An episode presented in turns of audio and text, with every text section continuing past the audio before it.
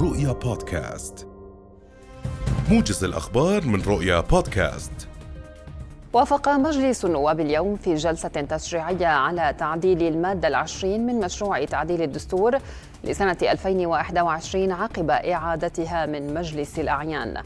جاء ذلك بعد أن صوت مجلس الأعيان بالموافقة على قرار لجنته القانونية بإقرار جميع مواد مشروع تعديل الدستور لعام 2021 كما وردت من مجلس النواب مع إجراء تعديل على المادة العشرين.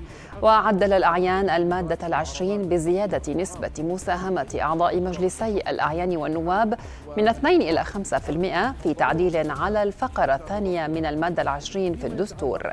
وننوه إلى أن مجلس النواب قد جمد عضوية النائب حسن الرياضي لمدة عامين.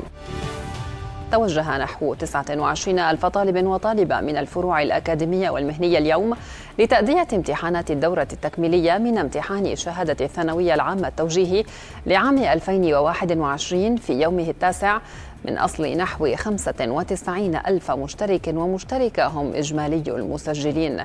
من ناحية أخرى قال أمين عام وزارة التربية والتعليم للشؤون التعليمية دكتور نواف العجار بأنه لا يوجد أي تغيير على موعد اختبارات تكميلية التوجيه بسبب الحالة الجوية السائدة. قالت وزارة المياه والري إن التخزين الكلي لسدود الأردن ارتفع ليصل إلى 93 مليون متر مكعب بنسبة تخزين كلية بلغت نحو 28% من طاقتها الكلية. وزارة المياه والري طالبت الجميع بضرورة الاستفادة من الهطولات المطرية وعدم إلقاء المخلفات في مجال الأودية والتأكد من عدم ربط مزاريب مياه الأمطار على شبكات الصرف الصحي والتأكد من حماية عدادات المياه ومرافق المياه المنزلية من الانجماد المتوقع خلال الأيام المقبلة.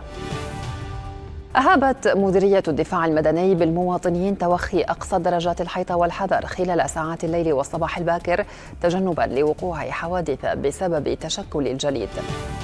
سجلت العديد من حالات الانجماد ولفت الشاكر إلى أن جبال الشرى سجلت أربع درجات مئوية تحت الصفر والأجزاء الغربية من عمان وصلت درجات الحرارة فيها إلى درجة ونصف الدرجة تحت الصفر. وأضاف أن مرتفعات عجلون وصلت إلى درجتين تحت الصفر وإربد نصف درجة تحت الصفر والسلط نصف درجة تحت الصفر ومناطق الشفا غورية وصلت فيها إلى درجتين مئويتين.